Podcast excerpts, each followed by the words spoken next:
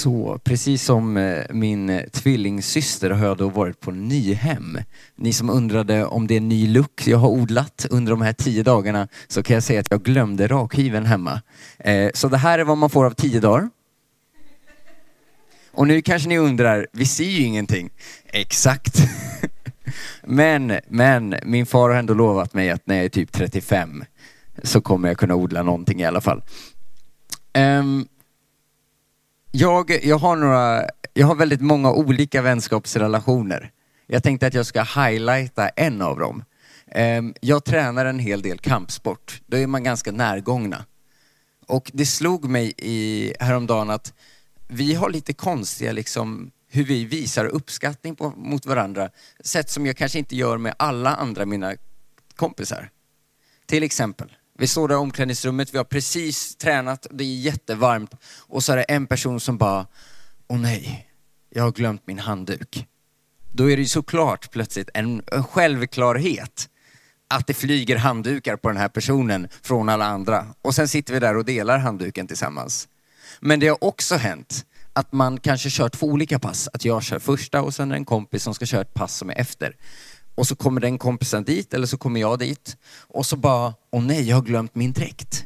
Vi har på sådana här vita morgonrockar som man har inom kampsport.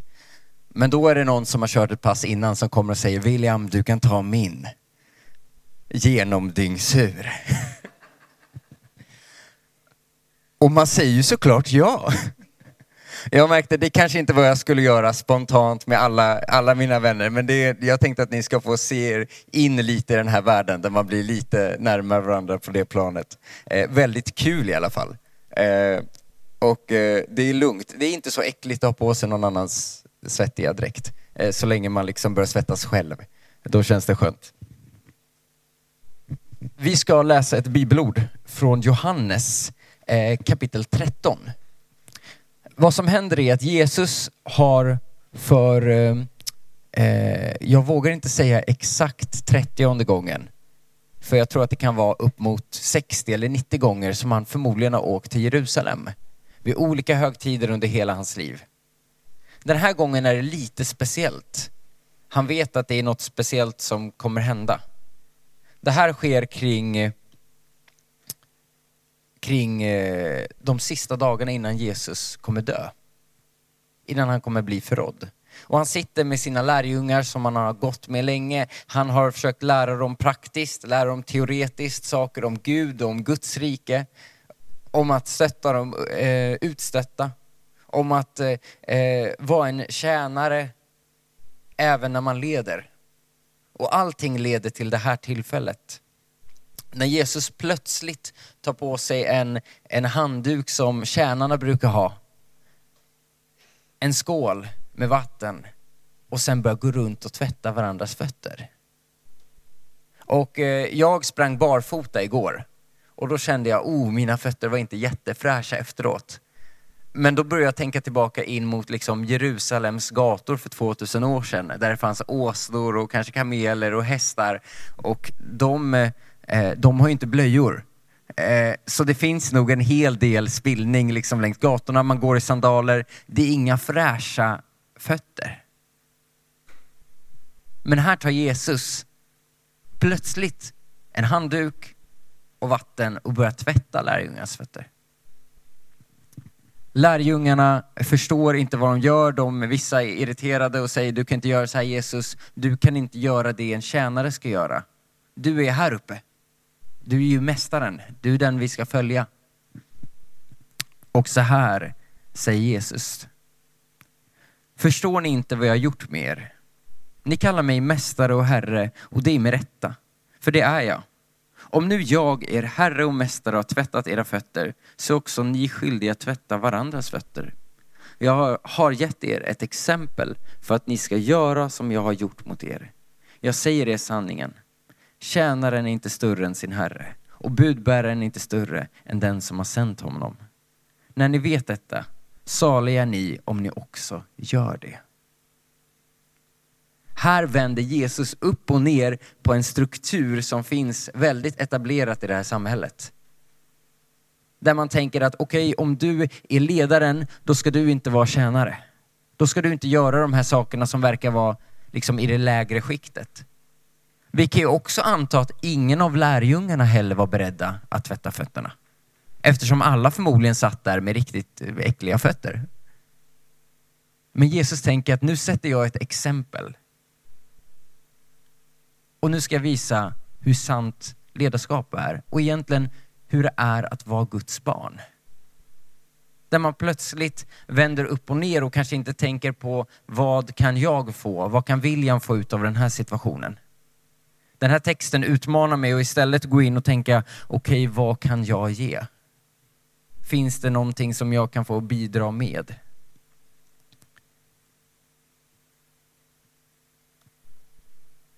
Jesus säger tydligt här att han är deras mästare och herre. Han vet fortfarande vem han är. Han förstår att trots att han gör den här saken så ändrar inte det hans identitet. Det känns som en så stark integritet, en sån känsla av att han vet vem han är i relation till Gud. Och därför kan han tjäna. Och jag tänker att det gäller även oss.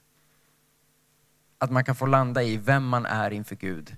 Och då är plötsligt att tjäna, att komma och möta någon med kärlek.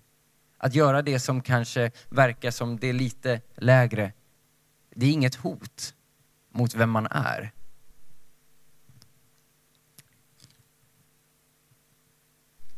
Vi ska hoppa lite längre fram. Um, i det här bibelstället. Och, uh, ska vi se. Jo, ni hörde ju mig prata med mina vänner, eller om mina vänner, mina kampsportsvänner. Vi eh, tränar mycket tillsammans, vi delar handdukar och ibland dräkter om det behövs. Eh, på somrarna brukar vi efter träningarna ta oss ner till Norrviken och bara hoppa i och njuta av det kalla, algfyllda vattnet. Eh, och eh, ja, det är liksom en av de bästa stunderna under sommaren. Men det finns också, det finns något vackert med det där. För att vi är ett gäng och där bland det här gänget så finns han som jag kallar min tränare. Han som jag ändå, eh, vad säger man, Eh, han som lär ut, han som säger åt William, du måste sparka högre, du måste sparka långsammare eller snabbare. Han som liksom hjälper mig med detaljerna, men ändå som kan vara med och vara min vän. Vi, eh, vi ska läsa vidare där Jesus säger så här i Johannes 15. Detta är mitt bud, att ni ska älska varandra så som jag har älskat er. Ingen har större kärlek än den som ger sitt liv för sina vänner. Och ni är mina vänner, om ni gör vad jag befaller er. Jag kallar er inte längre tjänare, för tjänaren vet inte vad hans herre gör. Jag kallar er vänner, för jag har låtit er veta allt som jag har hört om min far. Ni har inte utvalt mig, utan jag har utvalt er och bestämt er till att gå ut och bära frukt. Och er frukt ska bestå. Då ska Herren ge er vad ni, eh, vad ni än ber om honom i mitt namn. Och detta befaller jag er, att ni ska älska varandra. Jag har blivit en tomatodlare.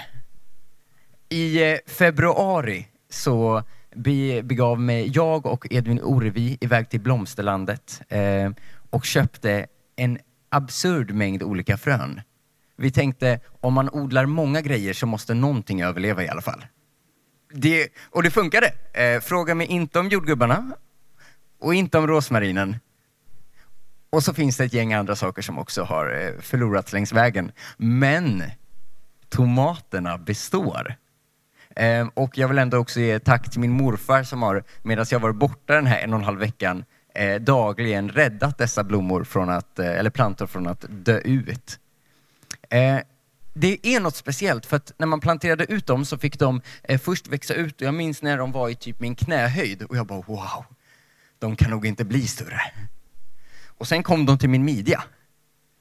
Och sen hände någonting där, där de började växa, alltså på en solig dag kunde de växa flera centimeter. Jag minns att jag var borta två dygn och de hade växt två decimeter på de två dygnen. Och så kände jag, oj, nu händer någonting. Och sen började blommorna komma ut. Och eftersom blommor kom ut så tänkte jag, då kanske det till slut kommer frukt. Och nu när jag kom hem i morse så gick jag ut, då har den alltså växt. Nu är en planta här. Eh, ja, jag är inte så lång, men den är ändå lång. Eh, och där fanns fem små tomater. De var gröna fortfarande, jag har inte smakat dem. Eh, men det, var, det, det kändes så lite vinst. Yes! Och det är något vackert med, eh, med att odla i Sverige skulle jag säga. För vi får vara med om säsongerna lite på riktigt. Det är höst, allting dör, allting faller. Det är vinter, det är mörkt, det är kallt. Vi kommer till våren. Och blommorna börjar komma upp, växterna börjar komma upp och sen kommer man in i sommaren där frukterna kommer och där de får liksom börja komma och, eh, vad säger man, bli mogna. Men sen vet jag också att det kommer en höst och då kommer jag nog inte ha så mycket frukter kvar. Det spännande med det här bibelordet är att Jesus säger han, att vi inte har utvalt honom, utan att han har utvalt oss och bestämt oss att gå ut och bära frukt. En frukt som består. Och det här tror jag är lite utmanande för mitt, i alla fall, eh, säsongstänk.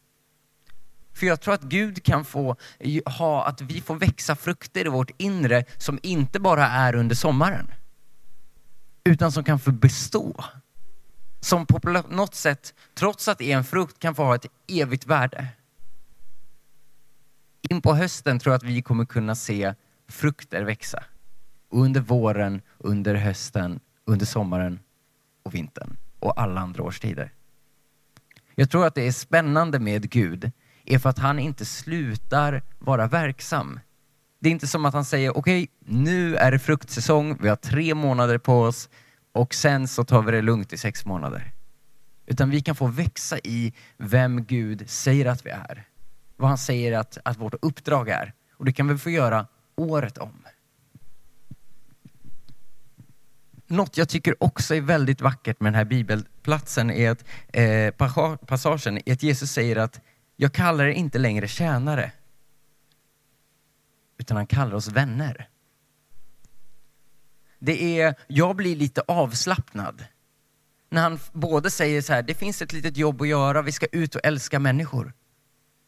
Men han säger, vi ska göra det som vänner. Jag är din vän. Det är inte Jesus som kommer med, med piskan och ett långt arbetsschema om hur man ska jobba från åtta till fem och sen ha en liten rast. Utan säger, vi ska göra det som vänner. Och personligen får jag en väldigt god smak i, liksom, eh, i tanken. Eller liksom, det känns som en, en väldoft att tänka, oh, men Gud, Jesus som min vän. Som kan vandra med mig.